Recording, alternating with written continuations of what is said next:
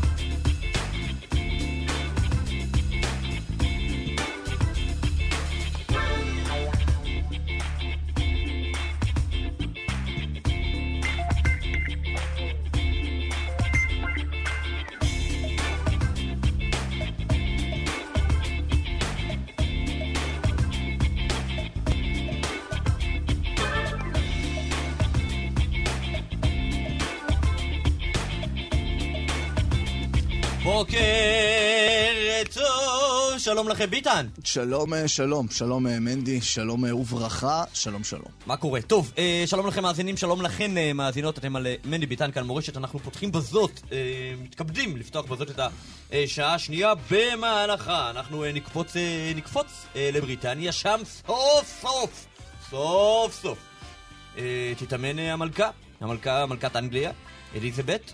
אה, טקס ההשכבה, לפני כבר שבוע וחצי, אם אני לא טועה. אה, והארון שלה הסתובב בכל רחבי המדינה, זה היה בסקוטלנד. כן, כן, כן, כן. אצלנו יש עניין של הלנת המת. כן, לפעמים אפילו באותו לילה, לפעמים לא מחכים לאיזה בן, ישר. אצלם עושים איזה חגיגה גדולה. בשלוישים כבר, יוצא שההלוויית, ההשכבה בשלוישים. זה אשכרה, כן, כמעט קוברים אותה בשלושים, אני לא מבין, יש להם... לא, אבל זה- זה- זה זה כך נהוג, כך נהוג. יש פה עניין, יש פה עניין. אה, הבדל מהותי, אני חושב, בין היהדות לבין הנצרות, כן? שבסוף התרבות האירופאית היא תרבות נוצרית, גם אם הם לא דתיים. והם אה, דתיים במקרה הזה, כן. כן. אה, אה, אני חושב שפה יש בזה עניין, כאילו, האם אנחנו חוגגים את ה... את המוות, או שאנחנו ממשיכים הלאה. אה, אתה יודע, ביהדות, אחד הדברים המאוד מעניינים, זה ש... אתה יודע, לכאורה, אנחנו יהודים דתיים. שני עולמות. כן, חז"ל אומרים, העולם הזה הוא דומה לפרוזדור, אה, העולם הבא. הוא הטרקלין, כן? שם קורה הכל. לכאורה, אוקיי, בן אדם הלך לעולמו, מה... עבר מהפרוזדור לטרקלין, להפך, הת, התקדם. התקדם. אמ, מה פשר אה, מנהגי אבלות, וקריה, ו- ו- ו- וכולי, ומה מה פשר? מה הפשר? ואתה רואה שלא. שהיהדות, עם כל הכבוד, נכון, אבל היהדות, דבר ראשון, מחוברת לבן אדם. ופה זה צער, אז זה צער. ויותר מזה, עוד לפני המוות, כן, נאבקים על החיים עד הרגע האחרון, מה זהו, הבן אדם עוד שנייה, כאילו בן אדם בסוף הפרוזדור, עוד רגע בטרקלין, מה עוד, שיהיה עוד רגע בפרוזדור. זה לא, אנחנו פה, ופה צריך להיות, אחרי זה אנחנו שם, נשמח גם, וכמובן יש אמונה, ו... ויודעים שטוב להם וכולי, אבל, אבל יש גם, נכ... מת... היהדות מתחברת לתפיסה שלך פה. כן. התפיסה שלך פה זה שאתה רוצה. ומנגד, אה, זהו, אני לא כל כך מנגד, כי אני לא כל כך לא מכיר. מ- מבין גדול, כן. אבל אני רואה ששם זה קצת אחרת. אני רואה ששם זה קצת אחרת. זה מעניין אותי, אני לא יודע, אני, זאת אומרת, זה לא ממש מעניין אותי, כן? מעניין, זה מעניין אותי רק כדי. שזה יחדד לי את התפיסה שלי, כן? כן. התפיסה היהודית, אני מעניין אותי מה קורה שם כדי להבין יותר טוב מה קורה פה. מה זה גם מעניין אותי הדבר הזה, אני אגיד לך מה אותי אה, תשומת לב אה, משך, תחשוב, הרגע הגדול ב- אה, ב- בחייו של מלך, כן. לכאורה, כן, הוא, ברור שרגעים אנושיים הם אחרים, אבל הרגע שבו הוא מתמנה למלך, ההפטרה? ההכתרה כמלך, אבל הרגע שבו הוא מתמנה, ואז ההכתרה, וזה קרה כבר, וזה קורה ברגע הכי נורא, כן? אה, למעשה חלק גדול מהמלכים רצחו את זה שהיה לפניהם, אז לא בטוח שזה הרגע הכי נורא, אבל כאילו, אתה הבן של אה, לא, בטח המלכה. היה להם מצפון. זה עדיין יושב לא עליך. נראה לי ברמות האלה, אבל כן. כן, שמע, הרגע שבו אתה מוכתר למלך, הרגע שבו צ'ארלס הפך למלך אה, צ'ארלס, מה, אתה לא מכיר... אה, רבס וכאלה, רבש. פה זה לא, זה לא, זה שררה אני נותן. מה. רבס? הרב אה, של לא כפר שררה, חב"ד. עבדות אני נותן עליך. בחב"ד נהוג, יצא לי להיות... תקשיב, התשובה היא שאצלם זה שררה. אצלנו זה עבדות, ודאי שזה רגע קשה שמטילים עליך עבדות. הרי לא שררה אני נותן עליכם, עבדות אני נותן עליכם.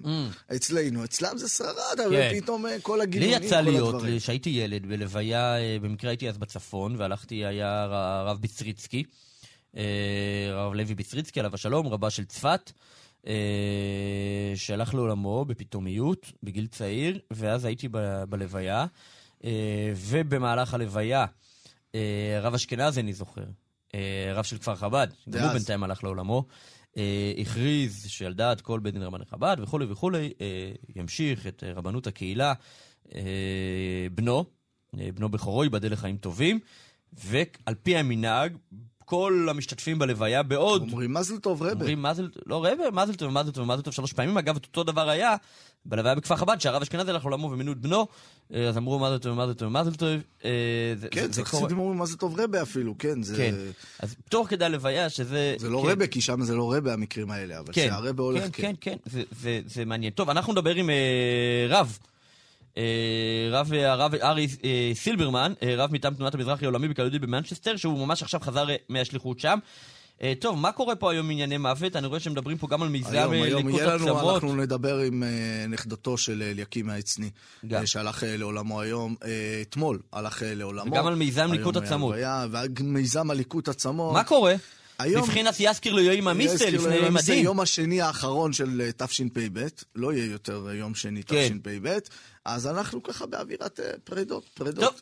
לא, כמובן. שלהבדיל בין זה, זה, פה ושם. טוב, הכל סגולה לאריכות ימים. סגולו לאריכוס יומים, תשע ואחת עשרה דקות, אתם מאזינים ומאזינות נקראים לכתוב ולסמס לנו, להקריא לך קצת מהתובנות, זה כן. המספר 055-966-3991, 055-966-3991, תשמע, תשמע מנחם הנדל. בוקר, אה, בפתח, בפתיח מזכיר את בן גביר ואדם מוכתר באותה נשימה כאילו כוחם הפוליטי זהה, בהמשך משתמש בביטוי הגדה המערבית, לא ברור הטרמינולוגיה של ביטן הבוקר, כותב מאזין. הבוקר. הבוקר, כל בוקר. מה? לא, אני חושב שמה שמשותף גם לאירוע בן גביר וגם לאירוע הדר מוכתר, זה, וברור שבן גביר זה ברמות אחרות לגמרי מבחינת מספר המצביעים והאירוע וההשפעה אה, הפוליטית, זה שבסופו של דבר מדובר על אנשים שהם מאסו בפוליטיקה הקלאסית, לא משנה, ב, נגיד איתמר בן גביר זה אנשים שמאסו ב, בימין הקלאסי, אוקיי? ואומרים, אוקיי, זה לא עובד הימין הזה, הדר מוכתר זה אנשים מאסו, הרבה מהם זה אנשים צעירים, מצביעי פעם ראשונה, ויש כאן איזושהי קריאת מחאה, וגם מה שמשותף ששני האירועים האלה הם כביכול אירועים קטנים יחסית לכל המערכת הפוליטית, אבל מבחינת השיח, הם מרכזים חלק מעניין. משמעותי. זה מה מה שעוד יותר שמשותף. מעניין זה שבימים האחרונים החלת לחבוש לראשך... אה, כיפה לבנה. כיפה, אה, כיפת בן גביר, כיפה לבנה, אולי אתה גם רוצה לצבור קהל אוהדים צעיר, לא יודע. לא נראה לי, זה לא, זה לא מה לא שעובד. לא, לא, לא יעבוד. מיכאל, על זה נאמר, אל תאמין בעצמך עד יום מותך. אני לא יודע על מה הוא מדבר, אבל כן. אה, בסדר. מעניין על מה, כי כל האייטמים פה בשעה הזאת הם כולם... אה, כן, מה זה קורה? תחילת שעה קודמת. אה, טוב. אוקיי. אה, בוקר טוב, בוקר טוב, בוקר טוב, בוקר אור. פעם אסור לביטלס להגיע לארץ, וחלק אסרו לילדיהם לצפות בשיער. זה מחזמר. נו. אה, היום רק רודפים לצערנו אחר כל שיק והיפ. נ"ב, שמח לשמוע את שניכם יחדיו. יפה. יפה. טוב, טוב, בוקר טוב. בקשר לבחורה הדר מוכתר, היא צודקת, אין לה דירה מכספה, לקחת משכנתה אין. ולא יהיה לה לרכוש דירה. בזה שמוכתר קיבלה דירה זה זכות שיש להורים, ואם אין לה הורים כאלה בחיים, לא, אז אין מה לכעוס עליה. היא רצתה לעורר את הצעירים בנושא הדיור. יפה. וה... והצליחה. אה, וזה, ומאזין אחר כותב, מה פתאום להחליק? אם יש שמשקרים בפוליטיקה, זה לא הופך את השקר למותר. הכעס כאן הוא לא על שיש לה דירה, שתהנה ותעזור למי שאין, לה, שאין לו, אלא על חוסר יושר. גם דעה. אוקיי. אה, בוקר טוב, ביטן, תירגע, אני שומע את הרעיונות שלך עם חברי מפלגה אחרים, הוי כמה שאתה מלטף. ומצד שני, זה מאזין לך. ומצד שני, אלי כהן מדגים למה יש מיאוס מהמערכת. יודעים רק ללכלך על הצד. אה, מה ש... על הצד השני. מה שיוצר את המיאוס מלכתחילה, כאילו מעניין את האזרח המריבות הטיפשיות שלהם. האמת שמעניין את האזרח. וזה במקום לדבר על מהות השיחה שלכם איתו. אה, על הכשרות. אה, השיחה שלכם איתו על הכשרות הדגימה את זה באופן מוצלח ביותר. תמשיכו לראיין ככה, בלי ליפול לרמה של המריבות שלהם. כיף איתכם. סוף סוף מחמאה. כן. הברוכה והריקוי סילוכם ברוכה עד בלידי נאמרה על מעשרות היבול. כשרות טובה זה אינטרס עליון, והמדינה צריכה להשקיע תקציבים לכך, והתמורה תהיה גדולה, מנדי. יפה. אה, יש פה איזה משהו אה, בבם על ענייני נועם, אח, אחר כך אולי נגיע לזה. למה לא? אה, מה? תקרא. אתה רוצה? כן. טוב. מנדי או השני, אני לא יודע בכלל מי הליצן שמדבר. ככה זה מתחיל. לא יודע בכלל מי הליצן שמדבר. יש לכם משהו נגד נועם, בלי לדעת בכלל מה זה, אוקיי? מי לא, לא יודע מי הליצן ולא יודע מה יש לכם, אבל אלו הדבורים. וכשהרב טאו התנגד לבנט, אתם עוד ליקקתם לו, כמו כל הציבור. אז כדאי שקצת תעריכו ולא תהפכו אותו בטעות לאיזה מטריד מינית. ואם באמת יש לכם אומץ, תשאלו את הרב שמואל מה הוא חושב על הרב טאו, הוא ייתן לכם איזה סטירה שתאפס אתכם. דברים כדורבנות, אה, כותב לנו פה אה, הבחור. אה, עוד אחד אתה רוצה? עוד ביקורת? עוד אחד, כן. גם אם יש ביקורת על הרב טאו ויש שאלות זה בסדר, צריך לשאול אותם בכבוד. אם לא בשביל כבוד תלמידי חכמים, לפחות לכבד את המאזינים, תלמדו, שנה טובה אשר. יפה. זה את השם. מי לא כיבדנו? לא, כאילו בשאלה על הרב טאו, ש...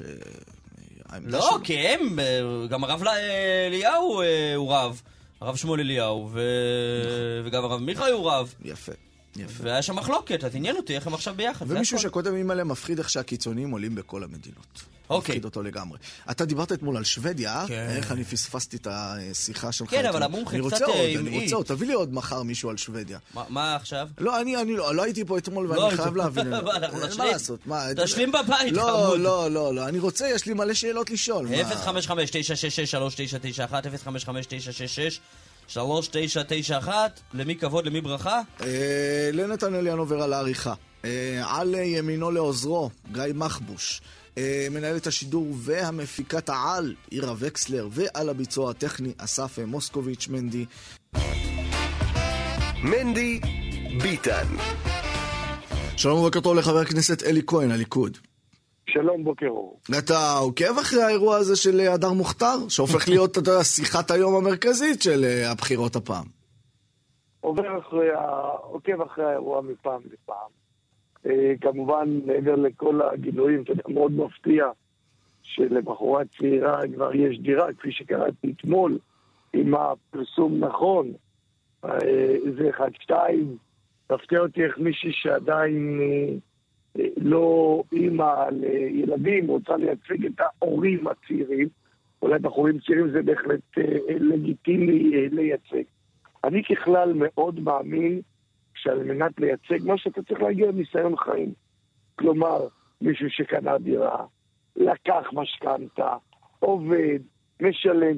אגב, אני רוצה לומר לכם, זה בעיניי אחד הדברים החשובים גם לפקידי המדינה. אני מצפה, גם אגב באוצר, שפקידי האוצר יגיעו גם עם ניסיון חיים.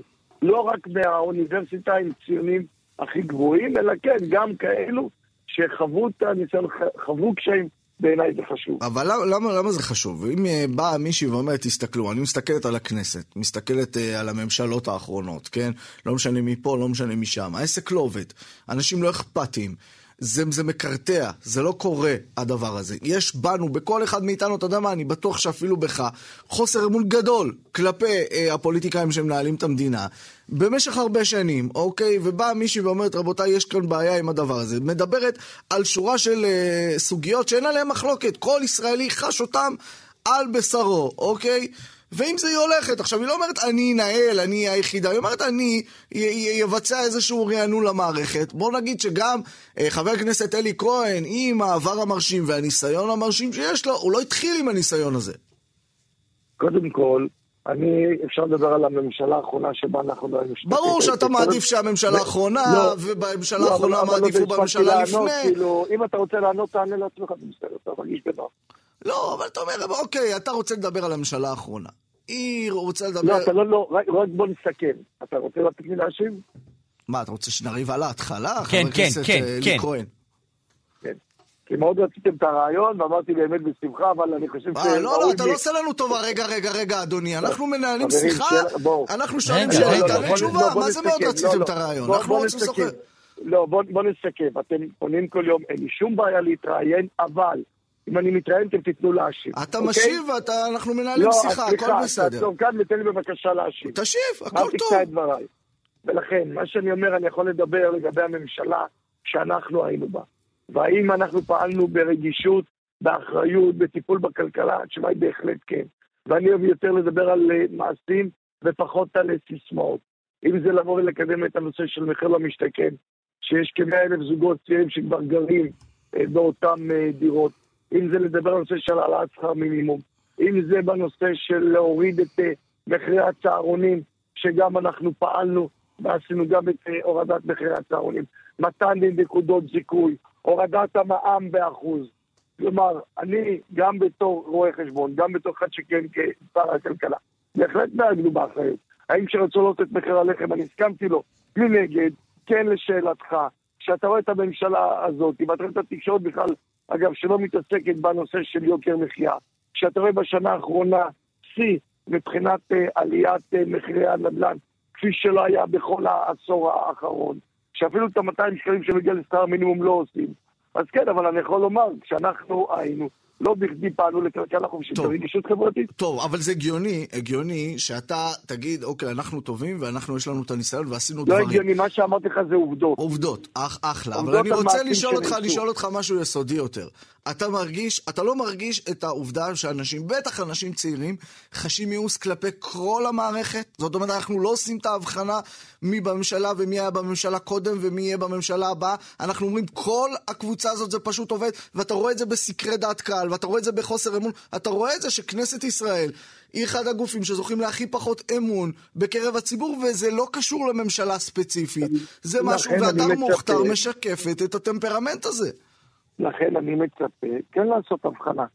כשאני רואה מישהו כמו, כמו ליברמן, שמכהן כשר אוצר, ולפיד מעיד שהוא לא מבין בכלכלה, שאתה רואה בתקופתם שהמחירים מזנקים, רואה אותם עושים שום צעד, שהריביות עולות ונוטלי המשכנתאות משלמים בממוצע אלף שקלים אה, יותר אה, בחודש, אז אה, בהחלט אני כן מצפה, כיוון שהם חבר'ה צעירים אבל הם אינטליגנטים, ולכן הם כן, בעיניי לפחות צריכים לעשות הבחנה לשאלתך. טוב, אבל, אבל מה לעשות שאנחנו אה, כאנשים צעירים, ובטח אנשים שצעירים מאיתנו, כמו הדר מוכתר, הם מדברים על איזשהו אה, אה, משהו כולל, איזשהו אה, מיוס כולל. אתה אומר, הפתרון לזה זה לעשות הבחנה בין לבין. לא בטוח שאנשים שאתה יודע, שרואים בהדר מוכתר כוכבת, זה הפתרון מבחינתם. אני, אני שמח רק על דבר אחד, שבאמת אה, ידברו לא כל הספינים שחלק מהתקשורת רוצה לדבר, אלא בעיניי כן לדבר על איך אנשים מתפרנסים בכבוד, כן לדבר על אפשרות של דירה בהישג יד. אני אגב, גם הכנתי תוכנית, גם בנושא של בלימת האינפלציה, על מנת להפסיק את קיקור הריבית. הכנתי גם תוכנית אה, בנושא של הנדל"ן, ואני מקווה שבעזרת השם יעלה בידי ובידינו לממש את התוכנית הזאת מנובמבר הקרוב. על מה הבחירות בעיניך? אנחנו צועדים תוך פחות משלוש שנים uh, סבב בחירות חמישי, באמצע קמו שתי ממשלות קצרות מועד. על מה הבחירות בעיניך? הבחירות בעיניי על מספר נושאים עיקריים. אחד, קודם כל על הזהות היהודית של מדינת ישראל. וכיוון שאנחנו ראינו בממשלה האחרונה שהם דיברו על uh, מדינת uh, כל אזרחיה, שרצו לבוא ולהפר את הסטטוס קוו, שזה אחד. הדבר השני, להפר את הסטטוס קוו באיזה עניין? ראית בנושא של הכשרות, בנושא שאני אומר לך, אגב, זאת הייתה הממשלה הראשונה שהיו בקואליציה שלה 11 חברי כנסת שאומרים זאת לא מדינה יהודית ודמוקרטית, זאת מדינת כלל אזרחיה. אגב, זה דבר שלא היה מעולם מאז קום המדינה, אפילו לא בממשלות של פרס ורבין. Mm-hmm. אז אחד זה הזהות היהודית. הדבר השני זה המשילות והרפורמות במערכת המשפט, מכיוון שבאים גדעון סער, לפיד, אה, ואומרים שאין כמו מערכת המשפט, אין כמו הפרקליטות והמשטרה, מאור הגולה. אנחנו רואים בהחלט תופעות מאוד מטרידות, כמו התופעה של גל יש. ולכן הנושא השני זה מערכת המשפט. הנושא השלישי בעיניי סופר חשוב, זה הנושא של אה, יוקר המחיה. מה שקורה, ויש מצב אבסורדי נכון להיום, שקופת ישראל, קופת המדינה, מלאה במזומנים, עודף של 35 מיליארד שקל, מנגד כיסי האזרחים מתרוקנים. כל היום גזרות ועוד גזרות והטלת מיסים. ולכן, אגב, אפרופו מה שהתחלתי בנושא של מוכתר, כשאני הייתי שר כלכלה ונתניהו ראש ממשלה, פעלנו להוריד מיסים, כמעט אין מס שלא הורדנו. מע"מ, מס חברות, נקודות זיכוי להורים צעירים, וכן הלאה וכן הלאה. לכן הנושא השלישי אה, זה יוקר המחיה. ואני חושב שאלה הנושאים העיקריים. כן, אז uh, אמרת פה באמת כמה נושאים, גם ענייני זהות יהודית, uh, גם uh, הרפורמה במערכת המשפט וגם יוקר המחיה. אני רוצה שנייה לפתח איתך את הנושא הראשון.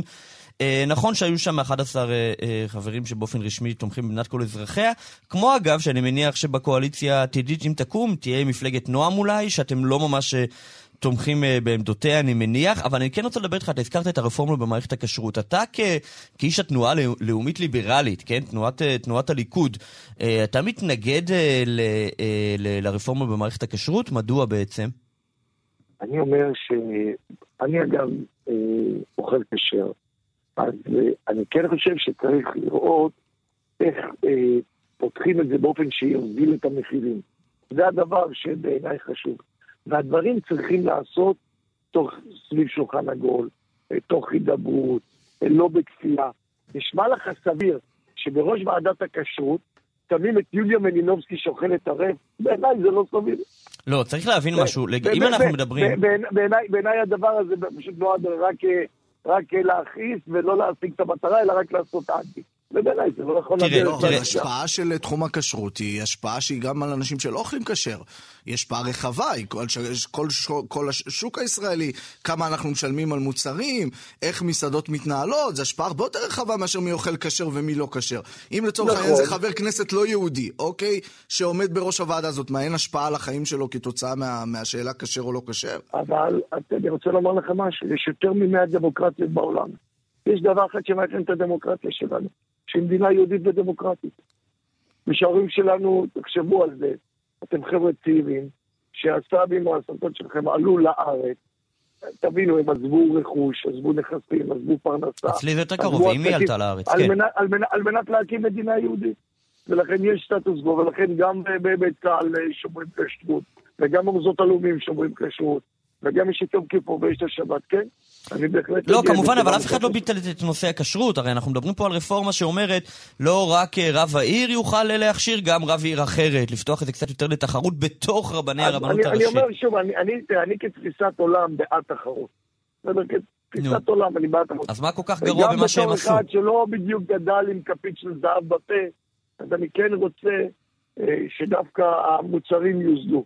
לכן אני אומר, צריך אבל לעשות את הדברים תוך ישיבה מסודרת. לא, היה תחושה, לא תחושה גם, שאתה רואה שמה שפועלים זה לבוא ו... זאת אומרת, אני לא מתנגד לעצם על המהלך, אלא לצורת הביצוע שלו? צריך, אני אומר לך, אני לא בדיוק רוצה לדבר על כל פרטים, כיוון שלא לא הייתי חבר בוועדה בעניין הכשרות, אבל אני חושב שהגישה האנטי-חרדית היא, היא לא נכונה. אני אומר שוב, האחים שלנו זה המסורתיים, החרדים, אנחנו עם יהודי אחד. לא, אתה יודע, שאלו אותנו על אה, סוגיית הקשר של הליכוד עם החרדים, אבל לא ראיתי ששאלו בדיוק את אה, לפיד ואת גנץ על הקשר שלהם עם האחים המוסלמים שקיבלו עשרות מיליארדים תחת אה, כהונת הממשלה הקצרה שלהם. שואלים, אה, אני, אני חושב שזו ביקורת שדי מותחת בפניהם שוב אה, ושוב, אבל לא, זאת לא הנקודה, הנקודה היא כזאת, אה, שאתה מדבר על כפייה. עכשיו, אם אנחנו מדברים נגיד על לימודי ליבה במגזר החרדי, אוקיי, זה עניין של כפייה, סוג של צריך לעשות את זה אולי בהידברות. אבל כשאנחנו מדברים גם על גיור, גם על כשרות, זה לא דברים שקשורים לחרדים. זה לא דברים, הרי גיור, מי בא להתגייר? בדרך כלל לא אנשים חרדים, כן? אנשים חרדים כבר יהודים.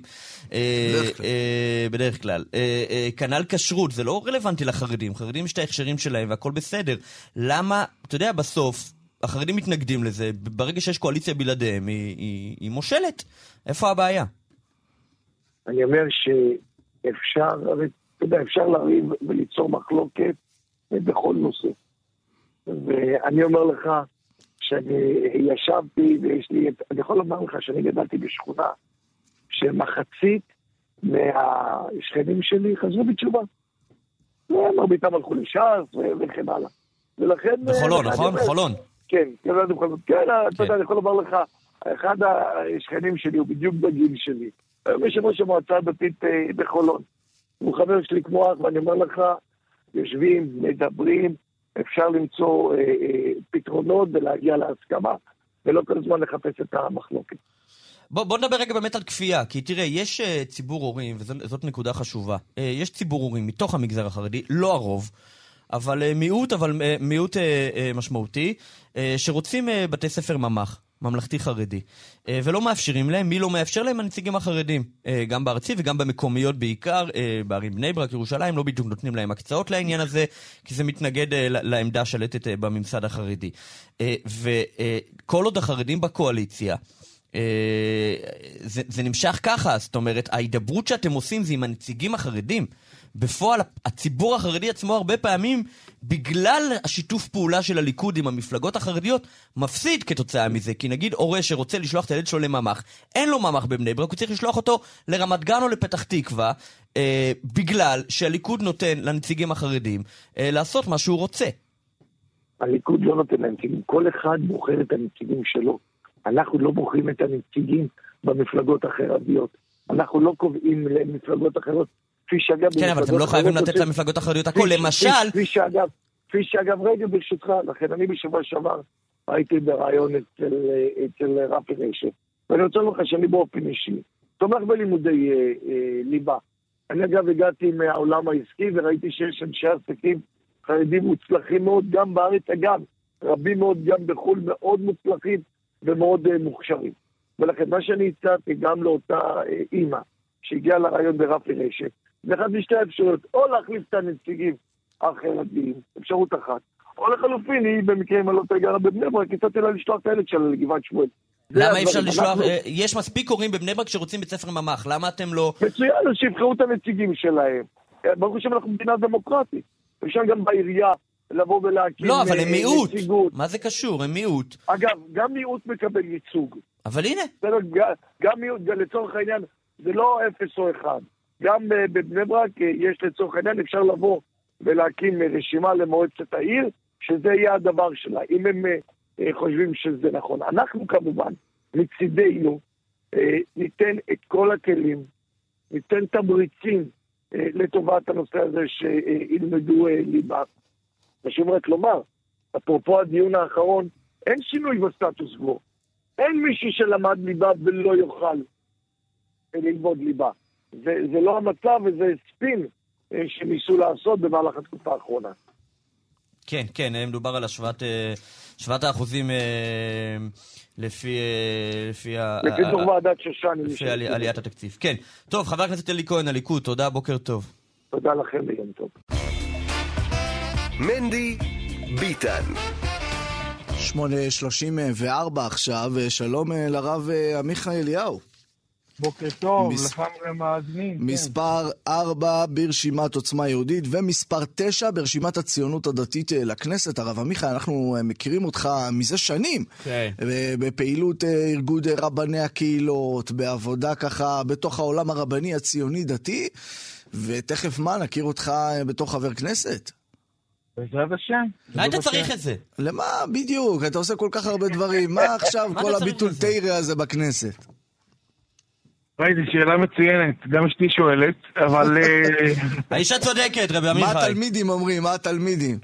תמיד, תמיד האישה צודקת, זה דבר אתה ראשון. יודע שהתלמידים בישיבה, שהראש ישיבה נוסע לחו"ל אה, לאסוף כסף לישיבה, התלמידים דוחפים אותו, אוקיי, אה, ראש ישיבה ייסע לאיזה חודש, לא, אף אחד כן. לא יסבול בישיבה מזה. טוב, בבקשה, נו. מניח שחשבת על השאלה הזאת. כן, אני אגיד לך את האמת, אני חושב שאנחנו נמצאים באיזושהי נקודה מאוד משמעותית לעם ישראל. אנחנו אחרי שנה קטסטרופה מבחינת, אה, מבחינת הנושאים שבוערים בי, אה, שהזהות היהודית אה, של מדינת ישראל נמצאת ממש במצב מאוד מאוד מורכב. הרפורמים כאן קיבלו תמיכה, מה שנקרא, מהממשלה הזו. לימודי התנ"ך הוסרו מתוך תוך, התוכן הלימודי של מערכת החינוך החילונית. יש לנו כאן אחים שגדלים, מה שנקרא, בהנתקה, מנותקים לגמרי מכל השורשים שלהם. אה, והנושא הזה, אתה יודע, בוער בי גם, גם, אה, גם לפני הבחירות. רגע, אז אתה אומר, לנו, אתה אומר לנו בעצם שהנושא הזה של אה, מה שנקרא איגוד רבני הקהילות וכל בעצם הרמת קרניים של רבני הציונות הדתית, זה פחות, אתה אומר. אתה מניח רגע לזה והולך להילחם עכשיו על, ה, על הדברים האלה שציינת, על הזהות הזו שציינת. לא, מעולם, מעולם, מעולם הנושא של רבני הציונות הדתית הוא לא היה הנושא המרכזי, מעולם, תמיד הנושא היה... החינוך של, של עם ישראל. תמיד, גם כשעסקנו ברבני קהילות, קודם כל רבני הקהילות שלנו לא כולם אה, מה שנקרא חובשי כיפות סרוגות, חלקם, אה, חלקם גם, אה, גם מחב"ד וחובשי כיפות שחורות. כן. אבל תמיד, תמיד הנושא היה הקשר לציבור, הקשר לפריפריה, הקשר לשומרי המסורת, הקשר לציבור החילוני. הרבני הקהילות שלנו, היום יש לנו 350 קהילות, 350 רבנים, רובם הגדול אה, רבנים בקהילות אה, מסורתיות או קהילות חילוניות, זה לא, זה לא אה, רבנים שמכוונים לקהילות דתיות. כן, כן, ברור, ברור, ברור. ולכן אנחנו ממשיכים את הקו הזה. הקו שאני הולך אליו לכנסת הוא מתוך רבן הקהילות, הוא לא בניגוד למה שעשינו עד היום, אלא הוא, הוא קו ישיר, הוא לא, לא המשך, לא, ברור, ברור, כן. המשך של כל הפעולה שאבא עושה, שאנחנו עשינו. כמובן, אה, השאלה היא באמת, אני שואל אותך, אה, אה, אתה יודע, ענייני זהות יהודית בסוף, נכון שלממשלה ולקואליציה יש לזה השפעה, בסוף זה עניינים חברתיים, זה עניינים של חינוך, זה עניינים של תודעה.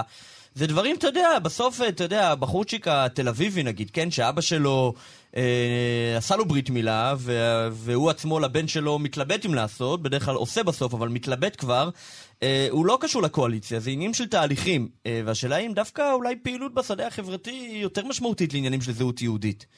נכון, אבל בשביל לחזק את הפעילות החברתית של, ה... של ארגוני החברה האזרחית, אתה צריך תמיכה מה... מהממשלה.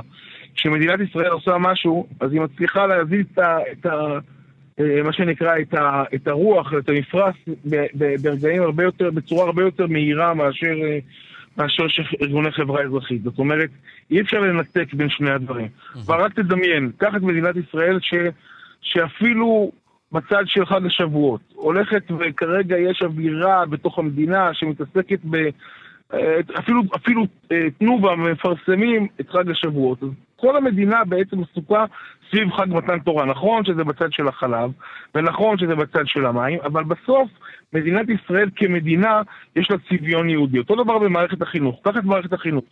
מערכת החינוך שמראש הולכת ומנתקת את הילדים מהתנ"ך, מהקושאן שלהם על, על הארץ, מייצרת תלמידים שלא מבינים את המשמעות של היותנו כאן בארץ ישראל, שלא מבינים את הקשר שלנו לירושלים, שלא מבינים את הקשר שלנו בכלל כעם יהודי את המשמעות שלנו כעם יהודי. ואם אתה בתוך מערכת החינוך אפילו מזיז אצבע קטנה מפה לשם, אתה מצליח לייצר תהליכים מאוד מאוד משמעותיים, שהרבה פעמים ארגוני חברה אזרחית לא מצליחים. לא מצליחים. צריך תקשורת, אתם אנשי כן. תקשורת. אתם מבינים את ההשפעה של התקשורת, אתם מבינים את ההשפעה של האקדמיה, את, ההשפעה אפילו של התרבות במדינת ישראל במשך שנים. מדברים כל הזמן על הכספים ש, שעוברים ל, לעולם הישיבות. שני מיליארד שקלים בשנה מקבל משרד התרבות, התרבות uh, כדי להפיק uh, סרטים וכל מיני אירועים. רוב הסרטים האלה, 70 או 80 אחוז מהסרטים, מה, מה, מהתרבות הזו, היא תרבות אנטי-יהודית, ואת הדבר הזה אנחנו כולנו חייבים לשנות, אה, מעניין. אין לנו ברירה. מעניין. אה, ספר לנו קצת על החיבור שלך לעוצמה יהודית, זה חיבור שהוא נמשך שנים, זה משהו חדש, מה קורה? האמת שהוא... אתה יודע, אני רואה אותך לגמרי איש העוצמה, איש הציונות הדתית, הציונות הדתית. של סמוטריץ', לא קשור לעוצמה יהודית, אבל מתי זה קרה באמת החיבור?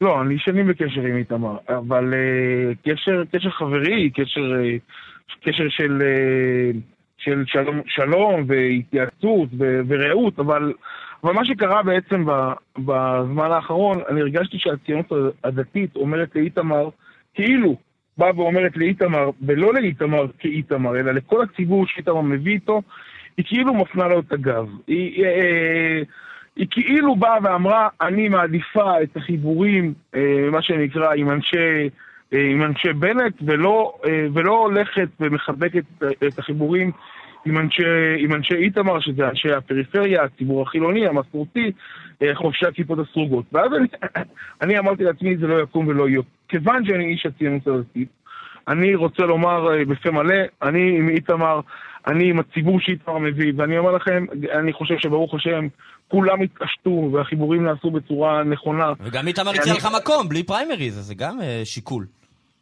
לגיטימי אגב. Uh, אה, לא חושב שזה השיקול המרכזי. השיקול, השיקול המרכזי היה אה, לייצר את החיבורים האלה, ל, אה, לקרוא אה, באמירה הזו שאני מתחבר לאיתמר, שאנחנו הציונות הדתית, שאני הציונות הדתית, לפחות מה שאני מייצג, ואני חושב שאני מהלב של הציונות הדתית, רוצה בחיבורים האלה.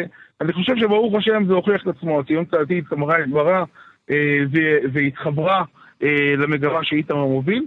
אני שמח בה, תשמעו, אני מגיע מכנסים, אה, מכנסים, אתמול הגעתי מכנס ביישוב דתי-לאומי, אבל רוב הזמן אני נמצא, אני נמצא בכנסים שיש בהם ציבור רחב, מעט מאוד חובשי כיפות סרוגות, ציבור עצום שמגיע, פעם קראו לזה חוגי בית, היום אצלנו קוראים לזה חוגי אולם. כן. אולמות מלאים, 500 איש שבאים עם, אה, עם אש בלב ועם רצון לשנות את מה שקורה פה במדינה, את הטירוף שקורה פה במדינה.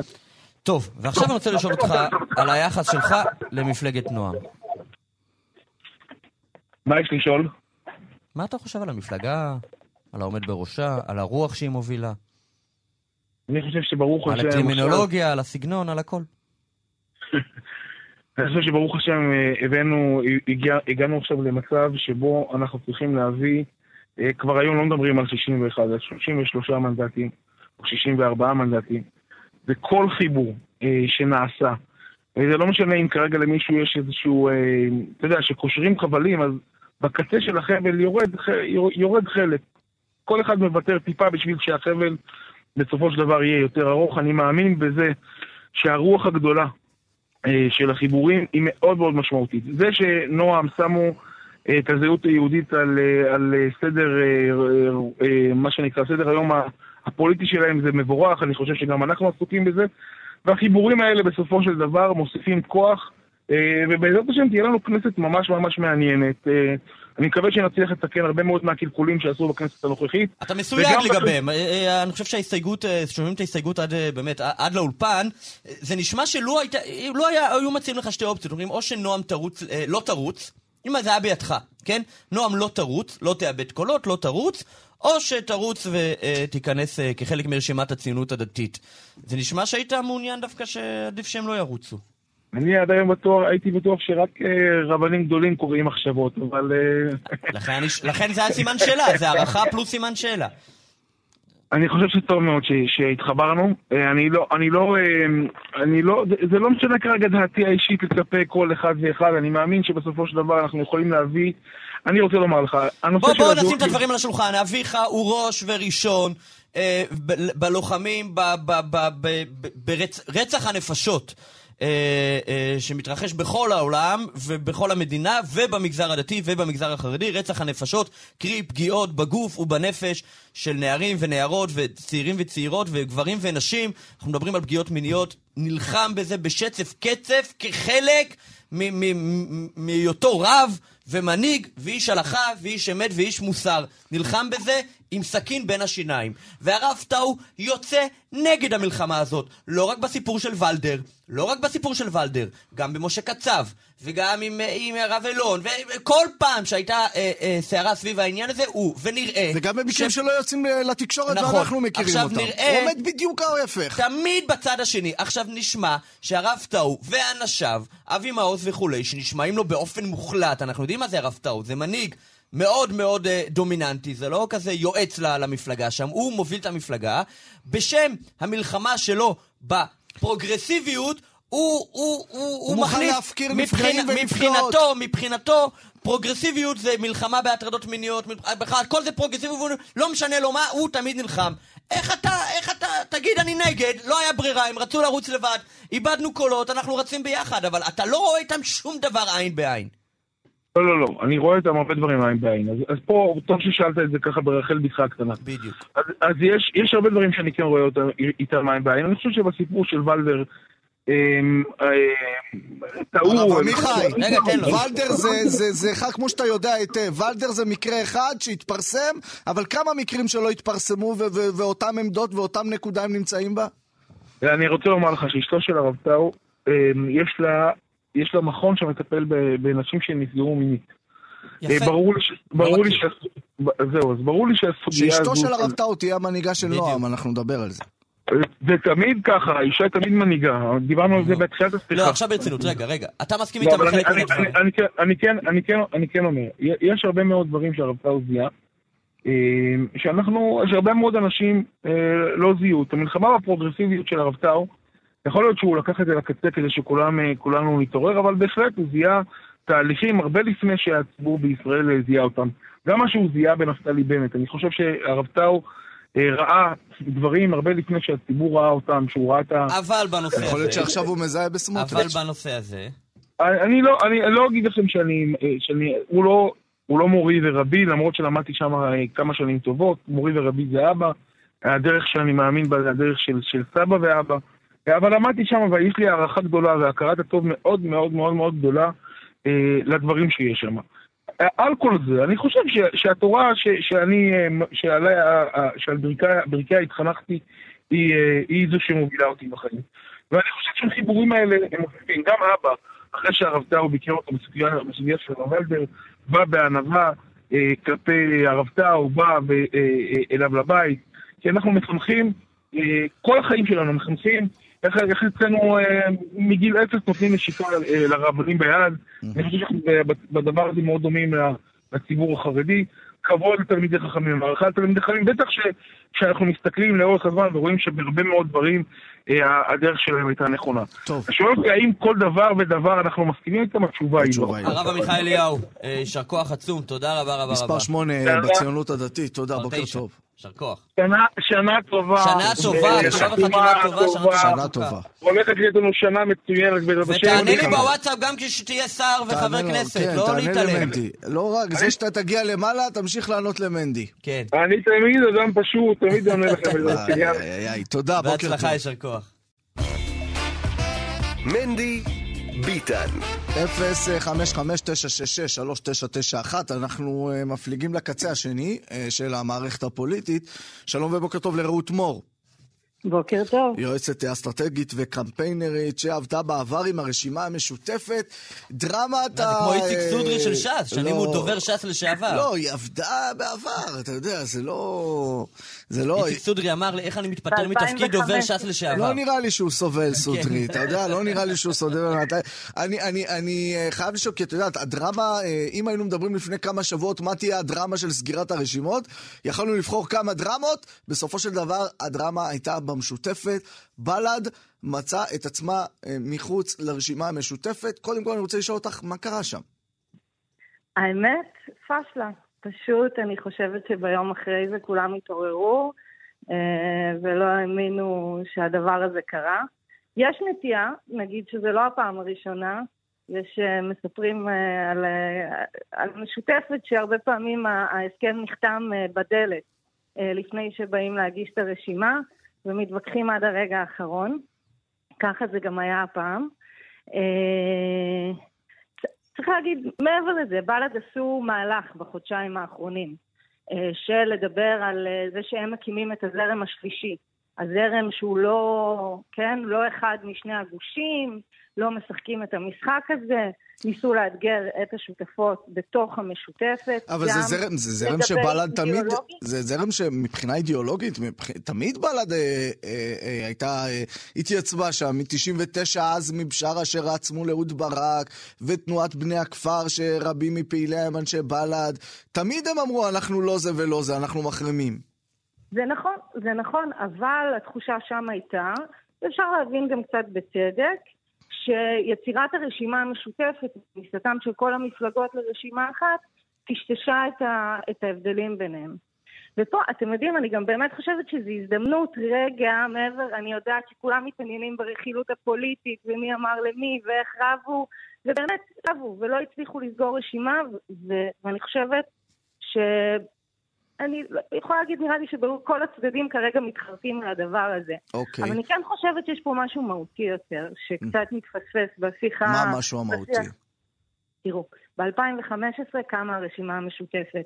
אני לא יודעת אם אתם זוכרים איך היה נראה ההכרזה על המדגמים לפני הקמת הרשימה המשותפת. Mm. אתם זוכרים? היו מכריזים על כל המפלגות, לרוב בסביבות ה-115 ח"כים, ואז היו אומרים, ויש עוד חמישה ערבים. בכלל, הר- הרבה פעמים אפילו לא היו כותבים את המפלגות, היו כותבים ערבים. הם לא היו נספרים בתוך המערכת הפוליטית.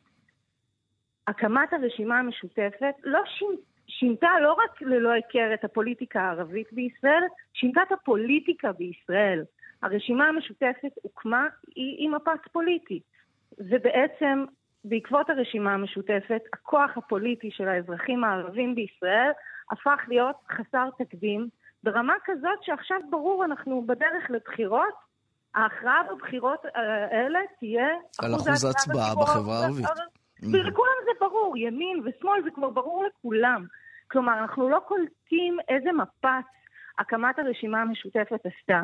ואני רוצה להגיד, אחרי שהמפץ הזה נעשה, והיום הפוליטיקה הערבית נמצאת במקום שהיא נמצאת, יכול להיות שזה דווקא נכון וראוי שהרשימות יתפצלו בחזרה לתוך ההבדלים ביניהם, ויש ביניהם הבדלים. והשאלה, השאלה... גם פוליטיים וגם חברתיים. אז השאלה, את יודעת מה, אני באמת הולך איתך ומוותר על הרכילות uh, הקטנטנה, שמשום מה מעניינת אותי, אבל, אבל אני, אני כן הולך איתך לסיפור הגדול.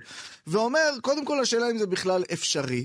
לשלוש מפלגות שרצות לבד ועוברות את אחוז החסימה, רע"מ, חד"ש-תע"ל ובל"ד. זה דבר אחד, צריך לשאול אם זה אפשרי.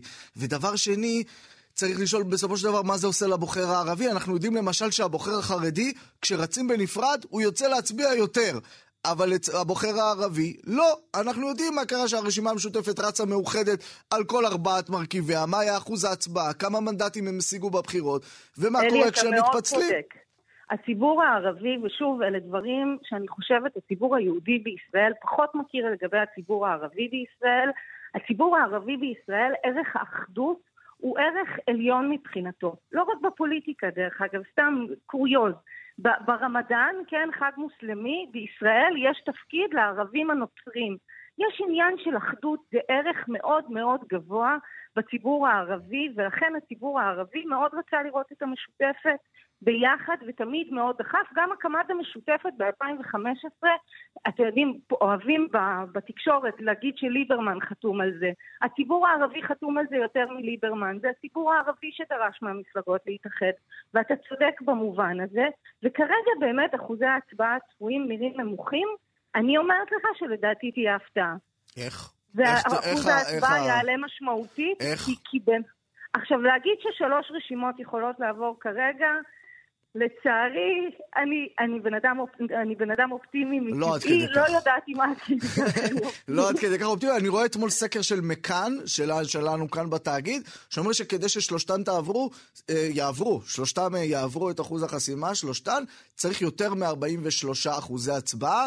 בינתיים אנחנו משחקים... ואז גם חלוקה מדויקת. כן. אני אומרת לך שיהיה יותר מ-43 אחוז. הציבור הערבי יכריע את הבחירות האלה ויפתיע באחוזי ההצבעה, זה לא יהיה מה שאנחנו רואים עכשיו, אבל לצערי, אני פה נזהרת בדבריי, כי באמת מכבדת את, את כל הזרמים. את גם לא רוצה לפתוח... אני לא בטוחה שבל"ד, אה, יש להם את הכלים היום לעבור. גם צריך להגיד, שוב, זה תלוי גם בתמיכה הציבורית, גם ביכולות השטח שלך, יש, יש הרבה כן. סוגיות. גם במצבה של המפלגה, שהוא לא uh, טוב uh, בשנים האחרונות, בכירים עוזבים, חקירות, מאסרים. אני רוצה רגע uh, ללכת איתך רגע, להשתמש בכובעך uh, גם כיועצת אסטרטגית וקמפיינרית, לעבור מהפריזמה uh, של uh, המפלגות הערביות לפריזמה של הגוש. אה, יש כותרות, ובטח הכותרות אה, של סוקרים, או כל מיני תומכי אה, גוש הימין, שבאים ואומרים, הרווחנו את הבחירות, זהו, הם, הערבים הפסידו כמה מנדטים, יאיר לפיד הפסיד כמה מנדטים בגלל שבל"ד בחוץ, ובל"ד ישרפו כמה עשרות אלפי קולות. אבל יש הרבה מאוד אה, אנשים במערכת הפוליטית שאומרים, יאיר לפיד שיחק אותה. זאת אומרת, אם היה יסוד, הזרם השלישי את קוראת לזה, אבל היסוד הזה של בל"ד, שהם מתנגדים עקרונית לכל שיתוף פעולה עם יאיר לפיד, בטח ובטח עם גנץ, עכשיו הוא בעצם הצליח אה, אה, לסלק אותה מהמערך, מהמערך הפוליטי, וכל מי שהוא לא תומך נתניהו, יהיה תומך לפיד. תראה, אני אגיד לך משהו פה, אני אבקר את שני הצדדים. א', הימין התחיל לחגוג הרבה לפני הזמן. כן. נכון, ככל הנראה ישרפו פה כמה עשרות אלפי קולות, אני גם, מהיכרות עם בל"ד, תחושתי הם שהם ירוצו עד הסוף, אבל עוד, עוד נחכה ונראה. אבל שוב, עניין אחוזי ההצבעה כרגע הוא שאלה כל כך גמישה, והעלייה באחוזי ההצבעה יכולה להיות עדיין דרמטית. ואז התמונה נראית אחרת לגמרי. אבל גם לגבי גוש הלא ביבי, יש לי פה דברים להגיד. אתה יודע, הרשימה המשותפת אומרת כל הזמן שהיא פתוחה להמלצה, שהיא לא שוללת, אבל שיש לה דרישות. שמתם לב מה הדרישות של, ה, של הרשימה המשותפת? שתיים מהדרישות הכי בולטות, ביטול חוק הלאום וחוק קמיניץ. שני חוקים שנחקקו תחת שלטון נתניהו במטרה לפגוע בציבור הערבי. חוק הלאום פגיעה יותר סימבולית, לא רק סימבולית דרך אגב, אבל סימבולית מאוד קשה, וחוק קמיניץ הוא חוק שאשכרה מתעלל באזרחים הערבים במדינת ישראל. Okay. אוקיי. הם באים ואומרים, אנחנו דורשים שהם יבוטלו, בשביל שנוכל להיות חלק. ואני אומרת, אתה יודע, אני רואה עכשיו בקשרים, ואני מאוד מעריכה, מפגינים, אנשי הרל"בים, מה שנקרא, כן. אה, קוראים לערבים לצאת להצביע. אני אומרת מפה לרל"בים, אתם רוצים שהערבים יצאו להצביע? שימו להם הצעה. ופה אני להם- מגיע איתך לה- לשאלת תגידו- הסיום. תגידו, לשאלת תצטרפו הסיום. למאבק לביטול חוק הלאום וחוק קמיניץ. אוקיי, אוקיי, רעות, אז. הנה שאלת הסיום לטובת המאזין שלנו, יאיר לפיד ואנשי צוותו, שמקשיבים לנו בקשב רב עכשיו. אם הם שואלים את עצמם איך להגביר את אה, אחוזי ההצבעה בחברה הערבית, מה אה, אה, כן ייתן למערכת הבחירות הזאת איזשהו פוש שם, כי בינתיים זה הולך הם ויורד. צריכים לפנות לציבור הערבי ולהתייחס לסוגיות שמטרידות אותו. לי יש ביקורת על הקואליציה האחרונה, והקואליציה האחרונה גם עשתה דברים מאוד חשובים, בראשם העבודה של סגלוביץ' ושל עומר אה, בר-לב נגד האלימות בחברה הערבית. הם רק התחילו, יש עוד דרך ארוכה. אבל נעשו בשנה האחרונה הזאת דברים שלא נעשו פה 15 שנה, שהובילו אותנו לנקודה הנוראית הזאת. תדברו על זה עם הציבור הערבי, תבטיחו לו שבכל מקרה זה לא משנה אם תהיה רשימה ערבית בקואליציה או לא, המאבק באלימות בחברה הערבית שהוא גם אינטרס שלכם ושאתם תילחמו בו בכל מאודכם, אתם תראו, אחוזי ההצבעה יעלו. רעות אה, מור, יועצת אה, אסטרטגית וקמפיינרית שעבדה בעבר עם הרשימה המשותפת, תודה רבה על השיחה הזאת. תודה, תודה לשניכם. בוקר ביי. טוב. מנדי ביטן. אליקים העצני, אחד אה, מראשי אה, הימין אה, האידיאולוגי בישראל, חבר אה, מועצת יש"ע, חבר כנסת 22 אה, מטעם אה, מפלגת התחייה, הלך אתמול לעולמו. מנדי, אתה יודע, אנחנו רגילים שמנהיגי גוש אמונים, מנהיגי מפעל ההתנחלויות, הם בדרך כלל אה, אנשים אה, דתיים. אה, אה, עורך דין אליקים העצני, הוא לא היה אדם דתי, אבל היה אידיאולוג גדול שהתווה בדבריו ובהליכותיו הרבה מאוד אה, מאבני יסוד אה, של התנועה הזאת. אנחנו אה, רוצים אה, לומר אה, שלום ולשלוח אה, נחמה לנכדתו שרה עצני כהן, שלום, בוקר טוב. מראשי תודה. תנועת אה, ישראל שלי, אה, מנהלת תוכניות חינוכיות בתנועת בית"ר העולמית. לא, זה בעברי, בעברי. אה, בעברך, אוקיי. אז מה, מה היום? רק שנגיד את ה... יושב ראש תנועת ישראל שלי. אני מנהלת את כן, ישראל. כן, כן, אמרתי אה, זה. טוב, שלא תדעו צער, באמת באמת משתתפים בצערכם. ספרי לנו קצת על הסבא. סבא שלי היה איש גדול. הוא גם היה איש עם חוש הומור בריא מאוד, אה, וגם היה איש משכיל בצורה בלתי רגילה ו- ומורכב.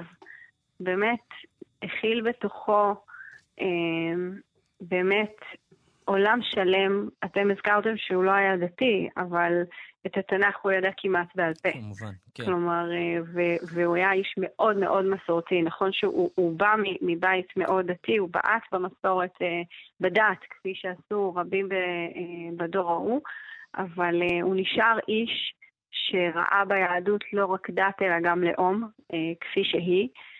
ומתוך כך הוא גם היה מחובר מאוד למסורת היהודית על כל גווניה, גם על הגוון האינטלקטואלי, אבל גם על הגוון המסורתי הטקסי שלה. מעניין. אה, ו... ו- כן. והוא היה איש שאני חושבת, אה, מעל הכל, הוא היה איש, אה, הוא לא היה יועץ, הוא היה, הוא היה מבצע. כלומר, כן. הוא, הוא פשוט, הוא לא אמר, לכו תעשו, קם ועשה, ואפשר לראות את זה לאורך כל שנות כן, הוא חייו. בכל ב-72 המשימות. עבר מרמת גן לקריית ארבע, נכון? ממש מהראשונים. נכון, אבל, הקים שם אבל זה משרד, לא... אה, עבד שם. נכון, הוא העתיק את המשרד שלו המאוד מצליח אה, מתל אביב, ופשוט כן. הקים משרד חדש בקריית ארבע, שזה היה אחר טרשים קרח. אה, כן. שהם, אגב, באותו. משרד באמת שירת גם הרבה מאוד ערבים תושבי חברון, מהמם. אבל אפשר לראות את זה גם לפני כן בקורות חייו המאוד עשירות, ש, שהוא לא אמר לכו תעשו, אלא הוא קם ועשה, גם אם זה היה אה, במלחמת השחרור, כשהוא היה בהגנה בכלל, כלומר, כולם חושבים ש... שבן אדם שהוא בא מהימין אז, אז הוא היה אולי באצ"ל, אבל ממש הוא, הוא באמת היה איש שלם וכל כך מורכב. הוא היה, ב, הוא שירת בהגנה, הוא נפצע קשה מאוד במלחמת השחרור, זאת הייתה פציעה שגרמה לו להפסיק לנגן בכינור וגם ליוותה אותו כל חייו. בשנת, אה, הוא, היה, הוא הקים את שורת המתנדבים, זה היה ארגון שלחם בשחי... סליחה, שהוא הוקם כדי אה, לקלוט עלייה, זה היה בגלי העלייה הגדולים אה, בתחילת שנות ה-50, 1953. אה, הוא היה ראש תא סטודנטים של מפא"י באוניברסיטה העברית, והוא למד משפטים אז. אה, וביחד עם חברים, אה, אגב, מהמפה הפוליטית של היום הם לגמרי שמאל, אולי גם של אז, ישעיהו ליבוביץ', זכרונו לברכה, ואחרים, הוא הקים את, את אותה, אותה תנועה שנקראת שורת המתנדבים, שהמשימה הראשונה שלה הייתה קליטת עלייה, וכך הוא ירד למעברות ולימד שם תנ"ך, ושם הוא גם פגש את סבתא שלי, והוא ראה את זה באמת כ, כמשימה הלאומית. ואחר כך התנועה הזאת, ככל שהיא הלכה והתקדמה, היא גילו שיש משימה אחרת. הם גילו שערימות השחיתות שהותירה מפא"י אה, הם דבר שאי אפשר לשתוק אליו, והם אה, נלחמו נגד השחיתות. זאת אומרת, זאת כן. הייתה... אבל שוב, הוא פשוט קם ועשה, כלומר, הוא קם ועשה. עכשיו, הוא, הוא, הוא, פעל בכל זאת אה, אה, במועצת יש"ע אה, ובתנועת ההתיישבות אה, של יהודה ושומרון, אה, בקרב, אה, אה ביחד עם, עם, עם חברים אה, לתנועה, ש, ש, שהוא היה יחסית במיעוט כלא חובש כיפה, בטח באותם השנים. אה, זה מעניין היחס הזה, הוא, הוא הרגיש שם בבית, הוא הרגיש שם בנוח, מבחינה חברתית אפילו. אה, תראה, הוא התחיל את ה... הוא התחיל את ה... אחרי ששת הימים, באמת כ... כצעד המשך מאוד טבעי לציונות שלו, ובכלל, הציונות של מפא"י, הם הקימו את התנועה למען ארץ ישראל השלמה, הוא עשה את זה ביחד עם אלתרמן ומשה שמיר ואחרים, והוא גם פנה לרב לוינגר, זיכרונו לברכה. כן. כן, שהיו בשמאל הציוני, כלומר, אה, זה לא היה משהו, זאת הייתה המשימה, כלומר, ברגע שחזרנו לשטחי מולדת, אז אנחנו צריכים גם להפיח בהם חיים, אה, וזאת הייתה הראייה. אה, ובאמת הוא גם הביא את, את אותם חלוצים חובשי כיפות, הוא הביא ביחד עם הרב לוינגר ואחרים, ו, זה נכון שבמשך השנים הלכו והידלדלו אה, אה, אותם, אה, אותם אה, חבר'ה שהם לא חובשי כיפות, אבל סבא שלי אף פעם לא הרגיש שם נס הזר. זה, זה מעניין אה... כי אפשר להגיד, את יודעת, שתמיד היינו רואים בתוך, בשורות הימין האידיאולוגי, אה, מה שנקרא הימין הקיצוני לפעמים, שותפות בין אה, אה, דתיים ושאינם דתיים, ואנחנו מסתכלים היום על, על למשל על הציונות הדתית, רשימת הציונות הדתית, כבר השותפות הזו לא מתקיימת, כולם דתיים. צביקה פוגל, לא, לא, א', לא כולם, גם צביקה פוגל, גם אלמוג. כן, זה עוצמה יהודית, אבל אני מדבר על, על, על הציונות הדתית, שהיא בעצם הממשיכה של אותו... אותם, אותו קרב, כן? ש... כאילו יש איזשהו משהו שבסופו של דבר זה נשאר זירה כל דתית, אבל אני חושבת, אני חושבת שהחלוקה היום למפלגות של, של אותו קו היא, היא לא נכונה, כי גם בתוך הליכוד, זו חלוקה שהיא קצת שטחית, כלומר, גם בתוך הליכוד יש גורמים שהם מאוד ארץ ישראל, אמ, גם דתיים וגם שאינם דתיים, ו... ו אני חושבת שדווקא לקחת ולפלח את זה לפי מפלגות זה דבר שהוא לא נכון. להפך, אני חושבת שהאידיאולוגיה שסבא שלי אה, ניסה להנחיל והנחיל לאורך השנים וזכה להיות מהראשונים שהובילו אותה בדורנו, מה שנקרא. אה, היא תפסה לעצמה אה, אחיזה יותר גדולה מאשר איזשהו קצה של קצה. Okay. כן. וזה לא נכון לצייר את זה בצורה okay. כן. הזו, כי okay. היום גם בתוך הליכוד יש לכם, יש לנו אה, אה, גורמים מאוד מאוד אידיאליסטיים ש, שרואים את יהודה ושומרון כחלק בלתי כן. נפרד, אה, מ... ובעצם ממשיכים את המפעל הזה גם עם מפלגה, כן. המפלגה הכי גדולה בישראל. אני רוצה לשאול על השנים האחרונות אה, שלו, של אליקים העצני, זיכרונו לברכה. מה העסיק אותו? מה הוא חשב אה, על הסיטואציה שלנו? אה, הוא היה איש שכל הזמן, אה, הוא חי אקטואליה, הוא נשם אקטואליה, הוא נשם, אבל, אבל זה אקטואליה זה אולי לרדד את זה, כי, כי הוא חי את ה... באמת את ה... מה שקורה עם עם ישראל בארץ ישראל, במדינת ישראל, עניין אותו, וגם בימים האחרונים שלו זה... היו קוראים לו מאמרים ומראים לו תוכניות, תלוי במידת ההכרה, אבל, אבל זה באמת, הוא, הוא היה צלול דרך אגב, עד ממש רגעיו האחרונים, אה, ו, וזה ממש הפיח בו חיים, העיסוק הזה עיסוק ש, שבאמת נותן משמעות, ובשנים האחרונות, אה, שוב, זה היה המשך, כלומר, הוא גם היה מהאנשים ש, שנלחמו נגד תוכנית טראמפ, היה לו גם, הייתה לו במה קבועה גם בערוץ 7 וגם בידיעות אחרונות, ש, שבה הוא היה שוטח את אה, משנתו, אבל uh, כל פעם משהו אחר, זאת אומרת באמת, אבל, אבל הכל סביב ארץ ישראל וארץ ישראל וארץ ישראל, כי זאת הייתה המשימה שהוא לקח על עצמו ביחד עם סבתא שלי. אי אז במלון פארק ב-1968 כן. ואחר כך ב-72 אה, כשהוקמה קריית ארבע. אני חייב אה, באמת, אם תוכלי להסביר לנו קצת, אה, מה, מה, מה הניע אותו באמת בחשיבות הזאת של ליישב את כל שטחי יהודה ושומרון? זה היה אה, עניין ביטחוני או ש... מה זה היה? ממש לא, ביטחון זה, ביטחון זה תוצר נלווה. אה, זאת, זו הייתה ציונות טהורה. ציונות הכי פשוטה, הכי פשוטה שיש, כלומר באמת בלי הרבה אה, קונספירציות או תחכום או יותר מדי. אה, זה באמת ציונות טהורה, אה, שבשנת 1948, כשלא הצלחנו לשחרר את אה, חברון ואת בית אל ואת ארץ התנ"ך, mm-hmm. אז, אז הוא התמקד במה שהוא ראה אז צו השעה, שזה היה קליטת עלייה וזה היה מלחמה בשחיתות. ומרגע שמדינת ישראל, שצה"ל, הצליח לשחרר את אותם חבלי מולדת. אז הוא אמר, הנה, צו השעה עכשיו, זה, זה ליישב את, אותם, את, את אותה ארץ ש, שאליה חזרנו.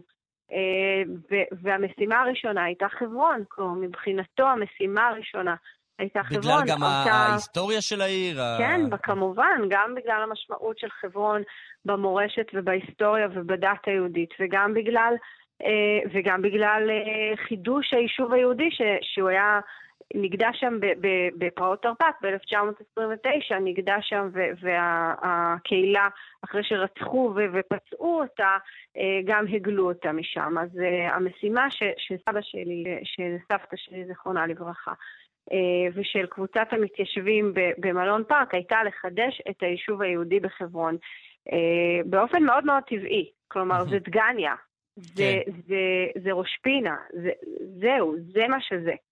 מעניין. אה, מאוד מאוד טבעי ומאוד מאוד פשוט. יפה. אה, מה הוא בכל זאת חשב על מה שקוראים על הפילוג אה, בתוך החברה היהודית-ישראלית, סביב ענייני דת ומדינה? קוראים היום ימין-שמאל, ישראל הראשונה, ישראל השנייה, אבל שאלות שלא קשורות בענייני, בענייני מדיניים ולא בענייני התיישבות יהודה ושומרון. מה, איפה הוא היה בסיפור הזה? סבא שלי מאוד כאב את, ה, את הקרע שאנחנו אה, רואים היום ואת ערימות ההרס והשנאה. אה, הוא אולי לא חשב, אני, אני שומעת הרבה מאוד אה, ביטחוני, גורמי ביטחון ו, ומנהיגים אחרים שאומרים שזו הסכנה. אה, אבל הוא לא חשב ככה, אבל הוא בהחלט כאב את זה. אה, ובאמת כאב את זה ברמה שזה הטריד אותו והציק לו. אה, והוא גם לא הבין, כלומר, הוא לא הבין מהיכן זה מגיע ולמה. כלומר, באמת אה, זה, זה צייר אותו מאוד, מאוד. מעניין, מה הוא חשב על ממשלת השינוי? לא, הוא לא היה, הוא לא, הוא לא היה מתומכיה. כן. טוב, אה, שרה עצני כהן, אה, יושב ראש הישראל שלי, אה, הנכדתו, שתמשיכו בכל מעשיו הטובים בפעילותו. ושלא תדעו צער. שלא תדעו צער, ושרוחו תמשיך ותלווה אתכם תמיד. תודה, שנה טובה, שתהיה רק בשורות טובות. שנה טובה. אמן. בוקר טוב. מנדי ביטן טוב, פולמוס שמלווה אותנו מדי שנה. אה, מדי שנה, השנה באופן מיוחד. לראשונה גדולי ישראל מתבטאים בנושא. אה, טוב, אה, הנושא הוא סליחות מוזיקליות, דהיינו סליחות שיש גיטרה וכולי. ושרים וכולי, שרים אגב זה לא רק בסליחות מוזיקליות, אבל פה מדובר עם גיטרה וכולי.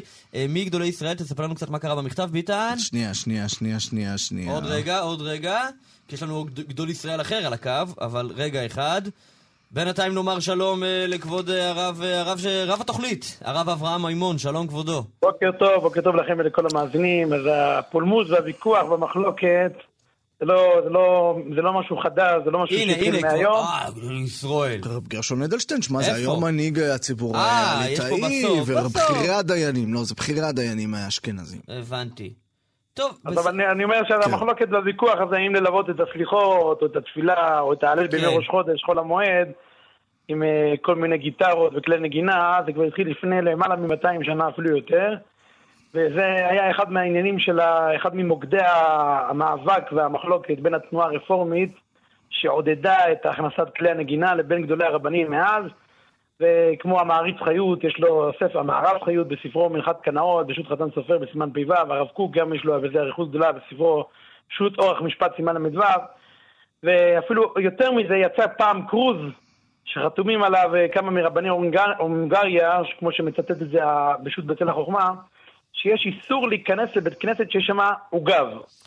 כן, כן, אבל שם זה היה בעיקר נגד, כי, כי זה חדש אסור מן התורה, ו, והרפורמים גם זה היה חיקוי של נכון, הכנסייה שם, קצת. נכון, שיש, נכון ששם העיקר זה ההתבדלות מהרפורמים. ומה, אבל, ומהכנסייה, אה, כי הרפורמים עצמם זה היה סוג של חיקוי של הכנסייה, בטח נכון, העוגב. נכון, ויש בזה בעיה כמו, ש, כמו, כמו בעיה של חוק- בחוקותיהם לא תלכו, כן. אבל אה, השאלה אם, ה- בגלל שהם הם, הם כתבו כל מיני נימוקים הלכתיים לאסור את זה, נכון שה... נכון שה- איך קוראים לזה, הליבה של העניין, זה היה ההתבדלות מהרפורמים והבידול מהם, אבל הם, איך, איך אומרים, לפי הנימוק ההלכתי שהם כתבו על איזה משבצת זה יושב, האיסור, אז אה, הש- אז יהיה לזה השלכה לימינו אנו, האם יש לזה כאילו תוקף הלכתי לימינו אנו או לא. אז, אה, אז בואו נחלק את זה לשני חלקים, יש בזה אריכות גדולה, נחלק את זה בקצרה לשני חלקים. יש באמת חלק מהפוסקים שהביאו מקורות וראיות הלכתיות בשביל לאסור את העניין, ויש יותר אה, פוסקים שהביאו כל מיני מקורות השקפ, השקפתיים, כמו נקרא לזה בלשון, בשפה שלנו, השולחן ערוך החמישי, כן? כן. אז, אז רבים מהפוסקים באמת אסרו את זה בגלל חוקותיהם לא תלכו, כמו שהרמב"ם כותב ב, במצ, בספר המצוות, במצווה ל' וגם בספר החינוך במצווה ס"ב, שצריך להיות מובדלים מהגויים, בלבוש, בדיבור, בתרבות, ככה השולחן ערוך פוסק ויורד היה סימן קע"ח, ולכן הרבה מהפוסקים כותבים שבשו"ת חתם סופר חלק ו' סימן פט, גם הרב קוק באורך משפט סימן ל"ז, הם טוענים שיש בהכנסת כלי נגינה כמו התחקות אחרי הגויים, כי אצלם בכנסייה היה עוגב, כן. וגם אה, רבי, איך קוראים לזה, הרב מרדכי, אה, הרב מרדכי בנט, בספרו אלה, אלה, אלה, אלה דברי הברית, שדרך אגב הספר הזה זה, זה ספר אה, מרתק, כי חוץ מהנושאים ההלכתיים שיש בו, הוא גם מקבץ את כל, את כל המלחמות והמאבקים שהיה לגדולי חכמי אשכנזים הרפורמים, ושם הוא כותב שנכון שבמקדש היה כלי שיר, הלוויים היו מנגנים בכלי שיר על הדוכן, והיה כנגן המנגן ותהיה לה רוח השם, אבל כיוון שבאו הנוצרים והכניסו את כלי הנגינה למקום הפולחן שלהם, לכן אנחנו אסור לנו ללכת להתחקות אחריהם. ויש כאלה שכתבו שכל האיסור של חוקותיהם לא תלכו זה דווקא כשממש עושים את הנגינות שלהם, את הניגונים של, של, העבודה, של העבודה זרה, את המנגינות שמזכירות את העבודה זרה. אבל אם עושים אה, מנגינות של אה, מנגינות אחרות, מנגינות אה, של, של איזה אדמו"ר, של משהו שקדום מאוד, אז אין שום בעיה. ועכשיו אצל הפוסקים הספרדים, יש, יש, זה מתחלק ל... כי שם, בוא נגיד, אצל הפוסקים מהזרם הספרדי, שתנועת הרפורמים לא, לא דרכה אצלהם, אז הם לא ראו בזה שום איסור, כאילו להכניס כלי נגינה לבית הכנסת, וגם אה, מהטעם של חוקותיהם לא תלכו, הם אומרים שהבית יוסף כותב בשם המעריק, שכל מנהג שהוא שייך לגויים, אבל יש לו שכל והיגיון, לא, אין בזה איסור של חוקותיהם לא תלכו, כי דווקא דבר שהוא חוק, מה זה חוק? בלי טעם, בלי היגיון, יש חשש שעומד מאחוריו איזה סממן של עבודה זרה, וככה כותב אה, בשו"ת בשו"ת כרך של רומי, אה, זה הרבי, רבי ישראל חזן, שהוא בעצמו היה חזן גדול, ושם הוא כותב שאדרבה, מותר אפילו לקחת גם נגינות של הנוצרים ושל הגויים, ולהלביש על זה, קוראים לזה, נגינות של יהודים, וככה מביא אותו גם להלכה הרב עובדיה בשו"ת יביע מחלק ו' סימן ז', ו- ואנחנו רואים שהמציאות של הנגינה והתרבות של כל אזור ואזור, זה משפיע גם כן על ניגוני התפילה. אתה, המנגינות של האשכנזים מאוד מאוד מושפעים מהנוצרים, והפוך, גם המנגינות של הספרדים הם אה, מאוד מאוד מושפעים מה, מהמנגינות של הערבים, ורואים את זה בפועל.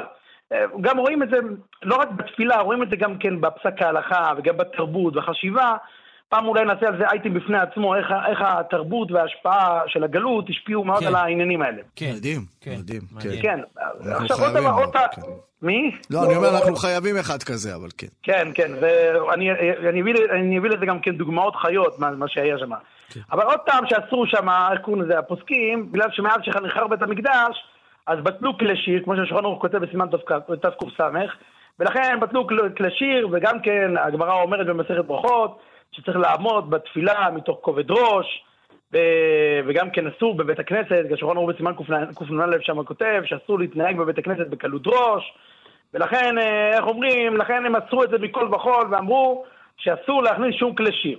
ויותר מזה, בספר אלה דברי הברית של רבי מרדכי בנט, שהוא היה מראשי הנלחמים נגד התנועה הרפורמית, והספר הזה כולו, כולו מיועד נגד המלחמה שמה, אז בעמוד ע"ח הוא מביא שמה בשם הגאון מליסה, בעל הנתיבות המשפט, כמו שקוראים אותו בישיבות, הנסיבס, כן? כן. אז שמה, אז שמה הוא כותב שעיקר מטרת התפילה זה לכפרת עוונות, ושם אני מצטט אותו, ואיך אדם ינגן וישמח כשבא לבקש סליחה?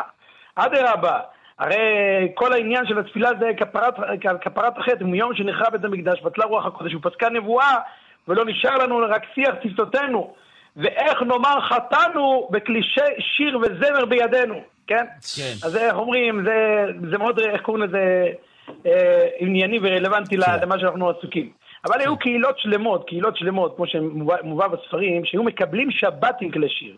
בספר מנחת קנאות הוא כותב שהמנהג בפראג, עוד, עוד מזמן הנודע ביהודה, הרב יחזקאל לנדו, הם היו חצי שעה אה, באים לפני כניסת שבת, והם היו מביאים אה, כינור, ולא יודע בדיוק איזה כלים היה להם שם, והם היו מקבלים שבת בשירה ובזמרה. ו, וגם כן בספר אלה דברי הברית הוא כותב שהמנהג ב, ב, באיטליה, בליבורנו, היה לקבל, היה קוראים לזה לנגן בבית הכנסת בימי חול המועד, בשום מצוות שמחת החג, ואיך אומרים, זה מצווה של שמחה. ואיך אומרים, היו מקומות ש... שהם לא יכלו ללכת נגד המנהג. רבני הונגריה, כן. בראשם החתם סופר, שהיה מראשי הלוחמים בעניין הזה, הוא לא יכל להילחם נגד, נגד, אה, נגד איך קוראים לזה, מנ- מנהגים שכבר קבועים עשרות במאות שנים לפניו. וגם יותר מזה, אצל הספרדים, הבן איש חי מביא בפרשת שופטים, בספרו בן איש חי פרשת שופטים, הוא כותב שהיה מנהג בבגדד, שביום שבת, ממש בעיצומה של יום השבת, היו באים, לוקחים אה, אה, כמובן נגנים גויים, והם היו לוקחים מהנגנים גויים כל מיני חלילים ועוד, כל, מיני, כל מה שיש לספרדים, והם היו מלווים את החתן לבית הכנסת מהבית שלו עד הבית הכנסת, היו מלווים אותו עם כלי שיר בשבת. אבל הוא, בשל קדושת השבת, הוא, איך קוראים לזה, ביטל את המנהג הזה, ולא ייזכר ולא ייפקד עוד, שם ככה הוא כותב. אבל איך אומרים, העניין הזה של הנגינה, והעניין הזה של הניגונים, אז זה מאוד תלוי, הפוסקים אה, מגיעים למסקנה שזה מאוד תלוי מה, מה זה עושה לבן אדם. אם זה, אם זה בן, עושה לבן אדם רצינות, בהתרוממות הרוח, אדרבה, יונה הנביא, המדרש אומר שהוא קיבל את כל השעה של הקדושה והרוח הקודש, הוא קיבל את זה מהשירה והזמרה. וגם משה רבנו הזוהר אומר בפרשת ואתחנן שהוא, שהוא התפלל בשירה, כי ואתחנן זה בדיוק בגימטריה שירה. כי יש, יש מצב, הזוהר אומר שהתפילה לא מתקבלת רק על ידי שירה. ולכן לפעמים כשבן אדם רואה שהתפילה שלו לא מתקבלת, אדרבה, שהוא ישיר את זה בשיר. והטענה, הטענה שטוענים הפוסקים, שיש כאלה, ש- יש האחרונים שהם מביאים, עבדכם מביא, שהטענה ש- שטוענים הפוסקים, שצריך רצינות בבית הכנסת, ואין אין אדם עומד אלא מתוך כובד ראש, הגמרא, אז שם גם הגמרא אומרת שאין אדם עומד בתפילה אלא מתוך שמחה של מצווה. יפה. אז אדרבה, אם, אם, זה- אם זה מביא לבן אדם התרוממות הרוח בשמחה של מצווה, כן. אדרבה, והיה כנגן המנגן ותהיה לה רוח השם, יפה. אז זה, אז זה, זה תלוי כל אחד ואחד לפי נכון, העניין שלו. נערה. נערה אה, ופשטה כבוד אה, הרב, הרב אברהם מימון, מחבר הספר יישר דרך. האתרים. החכמתנו, אתה יודע, כולם מדברים, והנה עכשיו אנחנו אה, יודעים את העומק של הדיון הזה ואת ההיסטוריה שלו. תודה רבה, כבוד הרב. בשמחה רבה, שנה טובה ומתוקה שנה. טובה. ומתוקה. כתבו. לחיים טובים אמן. לכם ולכל המאזינים. בעזרת. השם, שתכלה שנה בקללותיה ותחל אמן. שנה ברכותיה. אמן. ואמן. אתם מאזינים לכאן הסכתים, הפודקאסטים של תאגיד השידור הישראלי.